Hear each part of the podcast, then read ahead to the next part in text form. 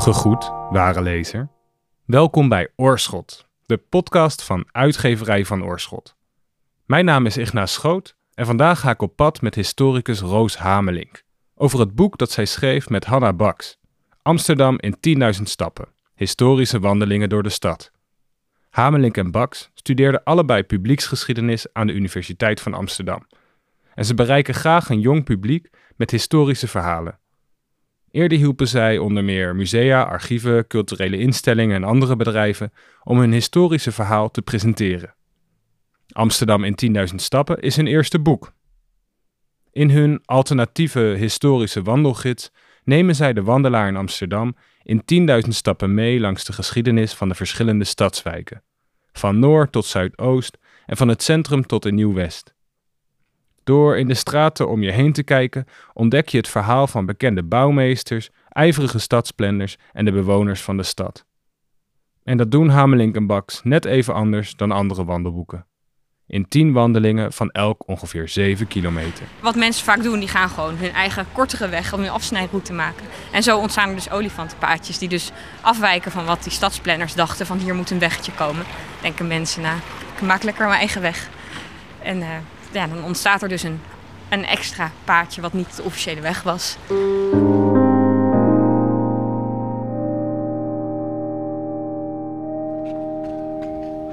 Nou, Roos Hamelink, uh, we staan hier in de Jordaan, in jouw eigen buurt. En je hebt in je handen het boek wat je hebt geschreven met Hanna Baks, Amsterdam in 10.000 stappen.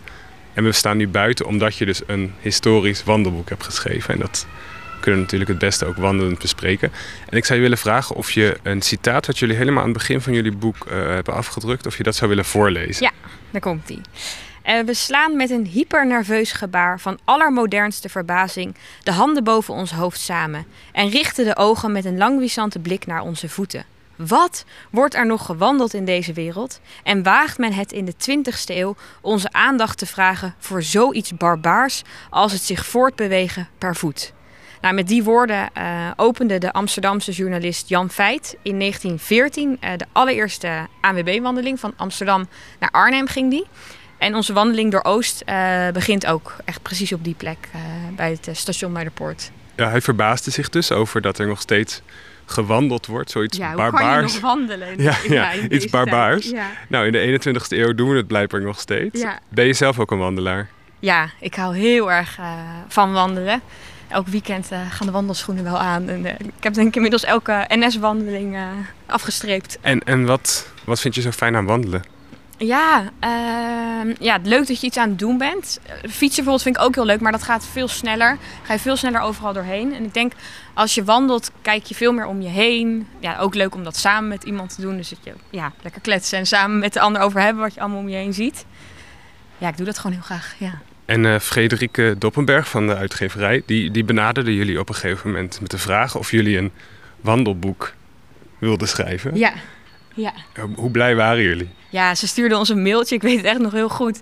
Uh, en ze schreef van, ik zal vast achteraan in de rij aansluiten, maar willen jullie een boek bij ons komen schrijven? Nou, nog niemand had ons benaderd voor een boek, dus we waren super blij. Dus dat wilden we heel graag gaan doen. En toen was in eerste instantie het, idee om een boek te maken over uh, gevelstenen in Amsterdam. Misschien daar wandelingen langs of iets met die geschiedenis. Maar dat vonden wij eigenlijk een beetje te beperkt, omdat de gevelstenen vind je vooral in het centrum. En wij wilden ja, breder in Amsterdam ook alle buurten betrekken. Dus toen hadden we bedacht, het wordt een boek uh, over, over pleinen. En dan wilden we aan de hand van pleinen de geschiedenis van Amsterdam gaan uh, vertellen.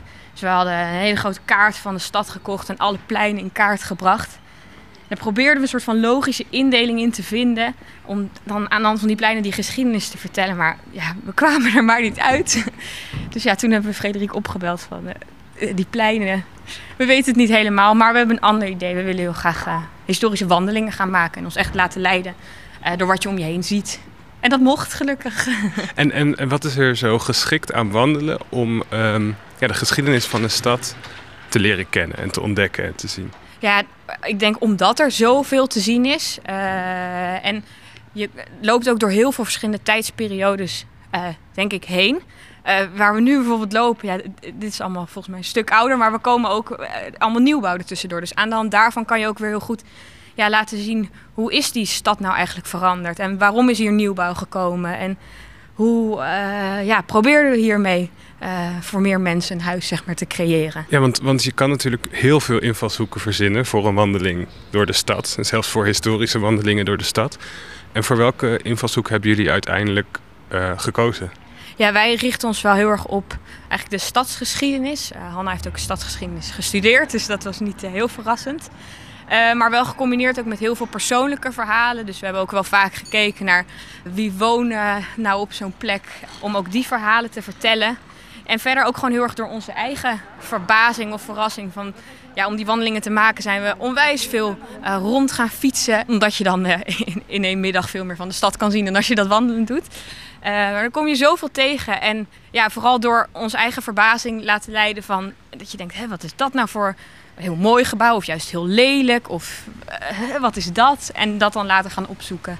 En zijn er nou dingen die, die jou heel erg hebben verrast? Of, of, of wist je eigenlijk alles van tevoren al wel? En, uh... Nee, ik was zeker nog geen Amsterdam-kenner uh, hiervoor, maar wel heel erg geïnteresseerd erin. En wat me denk ik wel het meest ja, heeft verbaasd, als je weet met welke ideeën een buurt is gebouwd, dan ga je ook bepaalde dingen opeens waarderen die je misschien eerst heel lelijk vond.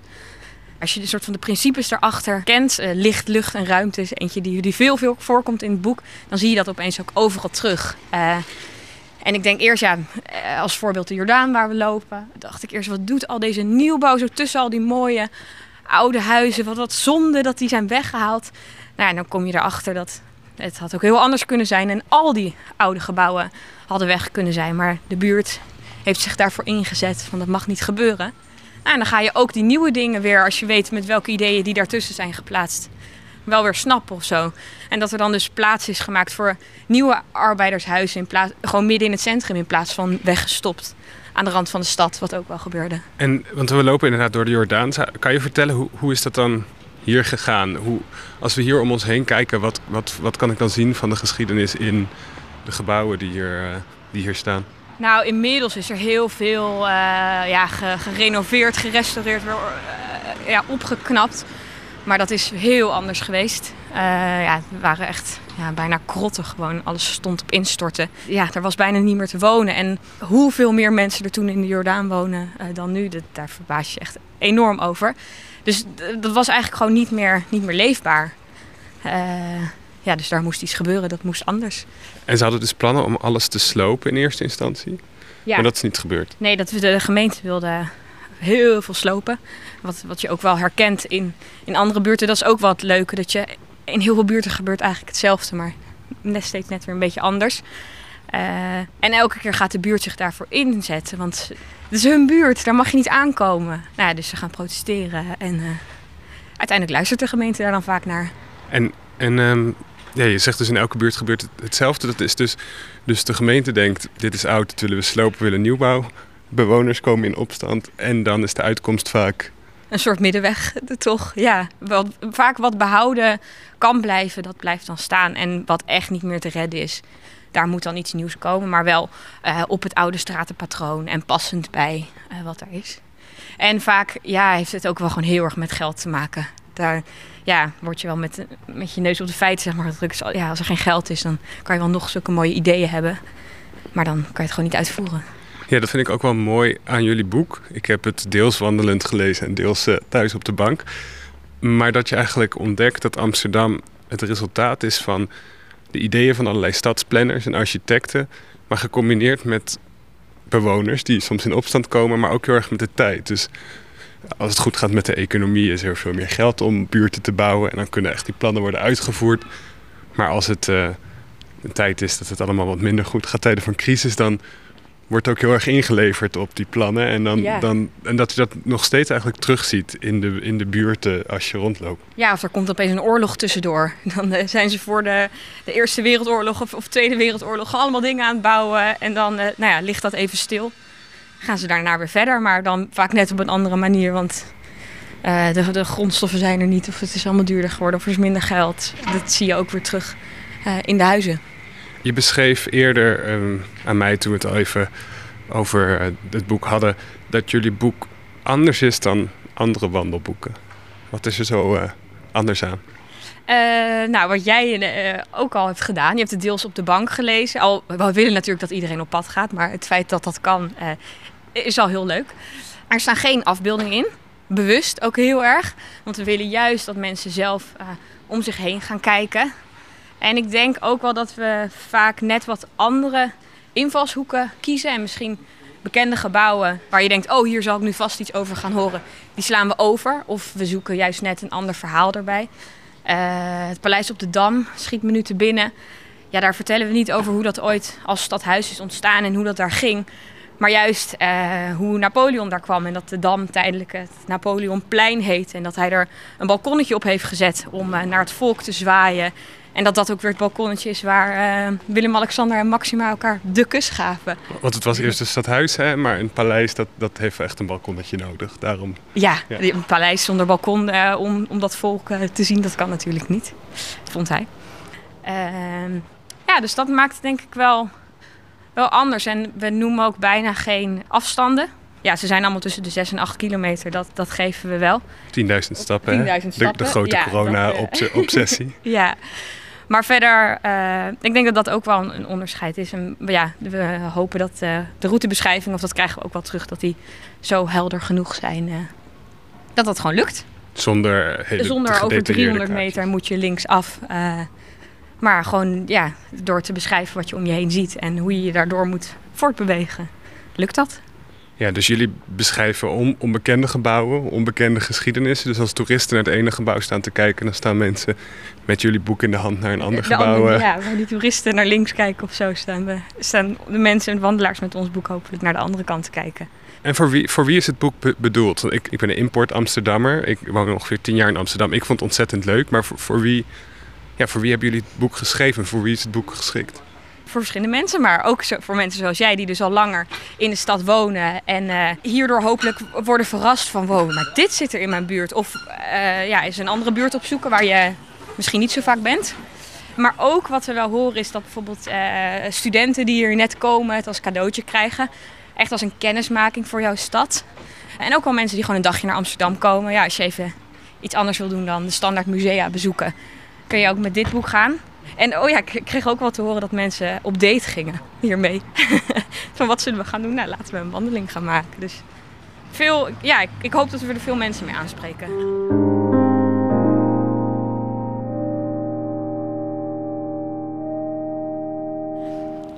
Jullie beschrijven in je boek ook de stad als een soort olievlek die zich uitspreidt. En dat je door jullie, um, en dat je door jullie wandelingen die olievlek eigenlijk kunt volgen.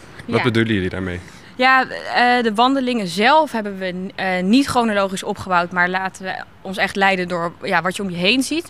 Maar de volgorde uh, van de wandelingen en de buurten is wel eigenlijk ja, hoe die buurten zijn gebouwd in welke volgorde. Dus we beginnen met het centrum en dan gaan we naar Oud-West en de plantage, die zijn daarna gebouwd. het Pijp- en Rivierenbuurt vervolgens Zuid en Noord.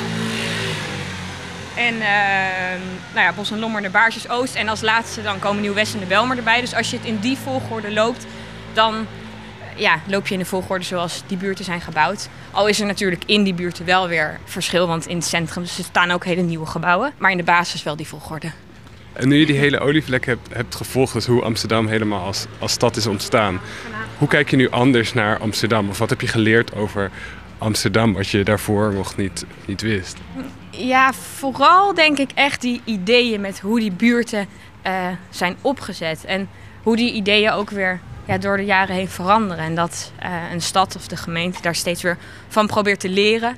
Uh, weer probeert aan, aan, te passen naar de tijd en wat bewoners willen. hoe dat ook vaak weer niet lukt en dan leren ze daar weer van. maar ja, ik heb denk ik wel echt een soort van kijkje in het hoofd van die architecten en stadsplanners gekregen. En heb je een voorbeeld van een wandeling waar dat, ja, waar dat voor jou het allerduidelijkste werd? Ik denk uh, de Belmar, de laatste wandeling, daar komt dat wel het allermeeste denk ik in terug. Al Nieuw-West ook wel, daar ga je echt met Van Eesteren, uh, die Nieuw-West heeft opgezet, loop je eigenlijk met hem mee uh, door de buurt. Maar ik denk in de Bijl, maar vooral waar wat daar in korte tijd allemaal is opgebouwd. Vervolgens weer is afgebroken, weer opnieuw is opgebouwd. En dat het dan weer niet goed liep. En dat ze weer naar nieuwe oplossingen zochten. dat komt daar wel heel sterk terug. En voor mensen die Amsterdam Zuidoost of ehm, de Belmer niet zo goed kennen of daar nooit zijn geweest, waarom is het juist dat een buurt waar je kunt zien dat de ideeën van stadsplanners ehm, in de praktijk niet werken en dat daar dan vervolgens wel of niet van wordt geleerd? Ja, wat je in de Belmar heel erg hebt, is de scheiding uh, van functies, bijvoorbeeld van verkeerswegen. Uh, je zult daar merken, je kunt daar zo'n lang stuk gewoon achter elkaar lopen op een voetpad zonder dat je ook maar een weg kruist. En de fietspaden die lopen ernaast. En de autovegen lopen anders. Wij moeten ook even anders lopen. Is een wegafzetting. Hopelijk komen lezers van jullie boek dat niet tegen. Hopelijk niet, nee. Nou, en wat je ook wel heel erg ziet in bijvoorbeeld de huizen zelf uh, die daar gebouwd zijn Eerst was het lange tijd zo dat de plint, dat zijn eigenlijk de, de, de, de huizen die helemaal onderaan een flatgebouw voor wat zitten. De, de, dat vind ik heel grappig hoe je dat zegt. Die plint was lange tijd niet geactiveerd, dus daar wonen geen mensen. Nou ja, en daardoor uh, is die stoep ook niet van mensen. Voelen ze, ja, is dat geen, geen eigendom van mensen? Gaan ze hun stoepje niet schoonmaken? Uh, en ja, wordt het dus gewoon ontzettend vies op straat. En uh, ja, zorgen mensen daar niet goed voor. Dus op een gegeven moment hebben ze dat weer aangepast. Want nou ja, ze leerden daarvan, dit werkt blijkbaar niet. We moeten die, die plint activeren. Dus zijn er vervolgens wel woningen helemaal op de begaande grond gekomen. En gingen mensen hun stoepjes schoonmaken. Dus, dus, dus er waren ideeën over het scheiden van functies, van wegen, van werken, wonen, dat soort dingen ook, toch? Dat, ook. Wonen, werken moest inderdaad ook anders. Uh, maar vervolgens waren de supermarkten waren dan weer veel te ver weg, waardoor ja, dat eigenlijk helemaal niet handig bleek. En dan voordat je dan met je. Of de parkeergarage bijvoorbeeld waren ook heel modern. Van wow, dat we dat nu hebben. Maar dan was je met je boodschappen van die supermarkt, daar moest je al ver voor weg. Dan moest je naar die parkeergarage en voordat je dan bij je huis was, lagen die functies allemaal weer te ver uit elkaar. Dus ja. Dus de praktijk en, de, en, en, die, en die theorie van die stadsplanners bleek niet helemaal op elkaar aan te sluiten eigenlijk. Nee, precies. En ook wel, is misschien een wat onschuldiger voorbeeld, maar vind ik wel altijd leuk. Ken jij olifantenpaadjes? Nou, vertel. Uh, als je bijvoorbeeld ergens een groot, ja, ergens een groot grasveld tussen uh, flats in. En daar loopt een mooi wandelpad doorheen. Nou, dat wandelpad is daar mooi netjes recht aangelegd. Maar wat mensen vaak doen, die gaan gewoon hun eigen kortere weg om hun afsnijroute maken. En zo ontstaan er dus olifantenpaadjes die dus afwijken van wat die stadsplanners dachten van hier moet een weggetje komen. Denken mensen, nou, ik maak lekker mijn eigen weg. En uh, ja, dan ontstaat er dus een, een extra paadje wat niet de officiële weg was. En wat ik, wat ik leuk vond aan die olifantenpaadjes is, dat, dat beschreven jullie ook, dat er ook landen zijn waar ze die olifantenpaadjes gebruiken om de stad in te delen. Ja, in Scandinavië doen ze dat. Dan uh, wachten ze tot er sneeuw valt en dan gaan ze kijken uh, wat mensen doen, welke weg ze kiezen. En dan worden dat uiteindelijk uh, de wegen of de voetpaden. Ja, en, en, en dat soort feitjes, nou, fun fact zou je ze misschien kunnen noemen, die staan ook best wel veel in jullie, in jullie boek. Jullie beschrijven ook hoe het parkeerbord is uitgevonden begin 20e eeuw. En jullie beschrijven de uitvinding van de speeltuin en van het restaurant. En van de stoep zelfs. Dingen waar ik normaal niet echt over na had gedacht dat die ook ooit ontstaan zijn. Hebben jullie daar een soort fascinatie voor, voor dat soort feitjes? Ja, ik vind het zelf ook altijd leuk om dat soort feitjes te hebben. Dat als je dan, eh, nou weet ik, s'avonds thuis komt of op een borrel staat of zo, dat je dan denkt, nou, wat ik nou toch heb gehoord, dat is toch grappig. Uh, daar zijn we wel naar op zoek gegaan, ja steeds bij plekken van uh, met welk feitje zouden mensen nou echt thuiskomen? Van moeten jullie eens horen. Wat is jouw favoriete feitje? Oeh, uh, ik denk, het zijn er zoveel. Oh ja, welke ik wel heel leuk vind is uh, de kinderwagenafstand. Die komt in Nieuw-West aan bod. Ehm, en dat was eigenlijk het idee dat er een bepaalde afstand is die jij vanuit je huis met je kinderwagen, dus nou ja, als moeder met die baby, moet uh, afleggen. Die mag niet te groot zijn uh, om weer in het groen te zijn. Uh, ja, dat vind ik zo grappig dat je daar dus letterlijk een afstand voor, voor bedenkt. En op basis daarvan die stad gaat inrichten. En al het groen zo met elkaar ja, ver, ver, verbindt eigenlijk. En hoeveel was het ongeveer? Ongeveer 400 meter. Dus 400 meter moest je lopen met de kinderwagen? Ja, dat was dan te doen. En dan was het goed.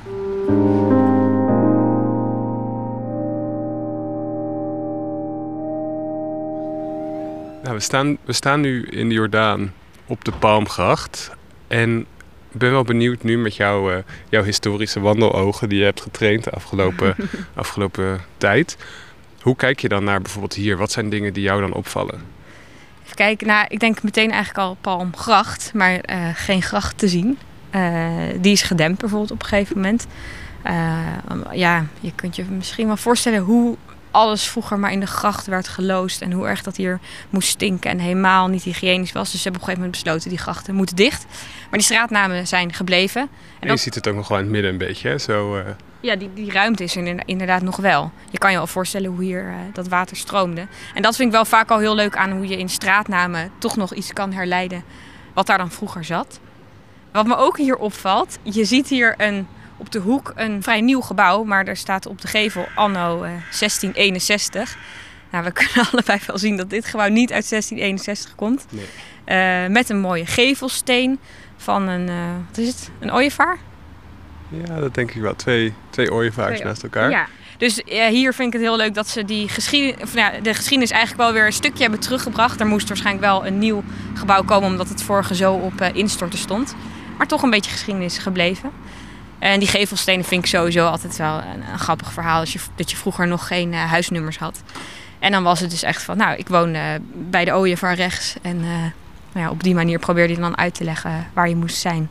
Ja, want Amsterdam is een van de eerste plekken waar ze zijn begonnen met huisnummers ook, las ik in jullie boek. Ja, klopt. Ja, en om daar dan dat hele systeem in aan te brengen, hoe je dat dan doet met alle dwarsstraat en van oost naar west, daar hebben ze goed over nagedacht. Ja, ja, dat vond ik echt een hele leuke rode draad in jullie boek hoe de stad wordt ingedeeld. En dat je dat ongelooflijk goed leert kennen. Ja, fijn. Ik, ho ja, ik hoop ook echt dat je zo op een andere manier om je heen kijkt. En ook dat je, ja, je leert misschien iets in het centrum, maar vervolgens loop je er oost en dan denk je, oh, dit, dit zat inderdaad zo in het centrum, maar dat zit hier ook zo.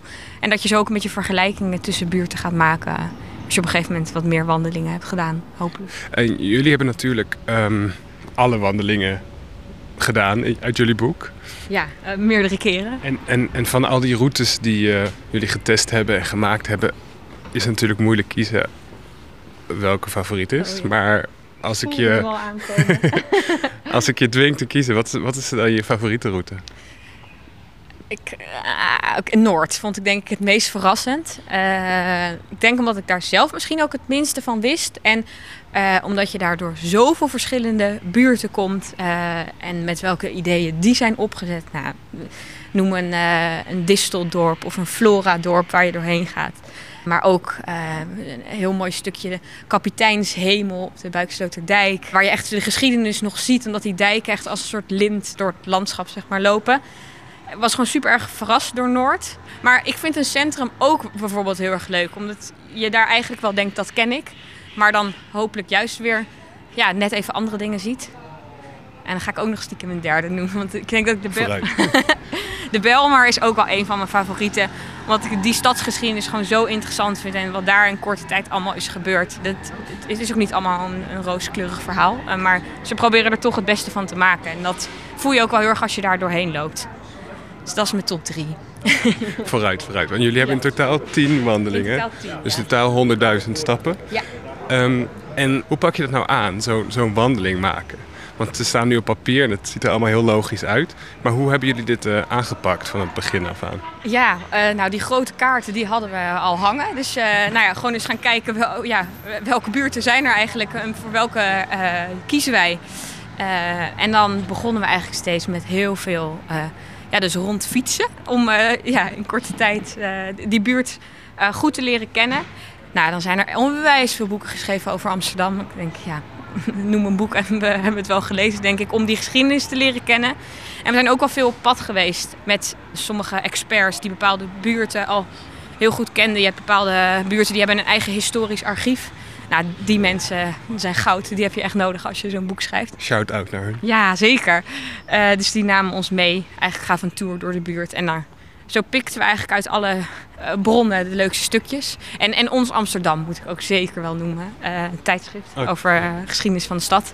die hebben zoveel, veel ook persoonlijke verhalen en anekdotes die je veel tegenkomt in het boek. Maar dan heb je dus al die informatie, al die mensen die je verhalen hebben verteld, al die artikelen, al die boeken, ja. al die observaties van jullie terwijl je aan het rondfietsen was. Maar hoe maak je daar dan tien wandelingen van? Hoe gaat die selectie in zijn werk? Ja, gewoon kiezen ook wel heel, heel veel uh, kill your darlings. Echt heel veel. ja, dan ga je ook gewoon heel praktisch kijken. Wat ligt er net te ver buiten? Wat sluit juist mooi op elkaar aan? Oh, als we nog net dit straatje uh, erbij pakken, dan uh, komt het goed uit. En dan die stappenteller aanzetten van... Oh, we zitten nog op 8000. Yes, we mogen er nog 2000 bij. Want dan betekent dat je die ene anekdote toch nog kan toevoegen bijvoorbeeld. Of, oh, dit zijn er al 15.000, daar moet nog wat af. En dan moet je weer gaan kiezen. nou ja, dan blijft er uiteindelijk een selectie over. Maar ja, je kan ook niet alles vertellen en dat hoeft ook niet. En ik ben al heel erg blij als mensen ergens staan en denken... oh, maar waarom vertellen ze hier niks over? En vervolgens zelf gaan opzoeken. Ja, dan is onze missie eigenlijk wel geslaagd. Want dan hebben we mensen geenthousiasmeerd en uh, gaan ze zelf ja, in de geschiedenis kijken hoe het zit. Dus dat is eigenlijk het doel van jullie geweest? Ja, dat kun je eigenlijk denk ik wel zeggen, ja. Ja, dat ze op een andere manier uh, naar de stad kijken. En dat dan niet alleen in, deze, in die ene wandeling die ze hebben gedaan, maar dat ook in andere wandelingen uh, gaan doen. Dus ja, dat we ze eigenlijk eventjes getraind hebben om met dat historische oog uh, rond te laten kijken. En dat dat dan bevalt en dat ze dat dan ja, op andere momenten ook zullen doen. Ja, dan zijn wij blij. We lopen nu alweer bijna richting jouw huis eigenlijk. We hebben ons rondje geen 10.000 stappen, dat moet ik eerlijk toegeven, bijna uh, volbracht. Wat wordt de eerste volgende wandeling die jij zelf uh, gaat maken? Nou, er staat uh, een hele lange wandeling op de planning. volgend jaar wil ik vanuit Amsterdam naar Santiago de Compostela lopen. 2500 kilometer, dus dan ga ik die 10.000 stappen per dag wel halen. Fijn. Kijk je vaak ook op je eigen stappen tellen? Ben je zo iemand? Eigenlijk niet, nee. Nee, ik ja, word er altijd een beetje zenuwachtig van dat je dat dan moet halen. Ik denk gewoon als ik zin heb om te wandelen, dan volgens mij kom ik er wel aan. Nou, dankjewel. Ik, ik heb genoten van het boek. Ik zal het zeker cadeau doen aan mensen die ik uh, ken in Amsterdam of die hier uh, of op date. komen wonen. Oh ja, ja, ik neem het mee op, op mijn eerstvolgende date. En ik hoop uh, in de toekomst dan ook nog iets over je, je volgende wandelavonturen te horen. Wie weet wel, die van Santiago. Wie weet. Dankjewel.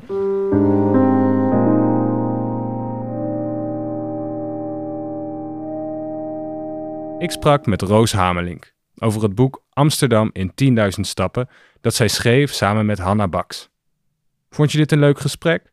Abonneer je dan op deze podcast. Luister eens een eerdere aflevering terug of deel de aflevering via je sociale media. Amsterdam in 10.000 stappen verscheen bij uitgeverij van Oorschot en ligt al een tijdje in de winkel. Het is te verkrijgen bij je lokale boekhandel, ook buiten Amsterdam, of via vanoorschot.nl. Oorschot is te beluisteren via je favoriete podcast-app.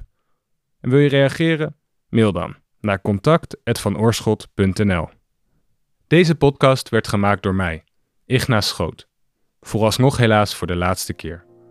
Onder eindredactie van Marco van der Wal en Barry de Bruin maakte de muziek. Bedankt voor het luisteren en veel leesplezier.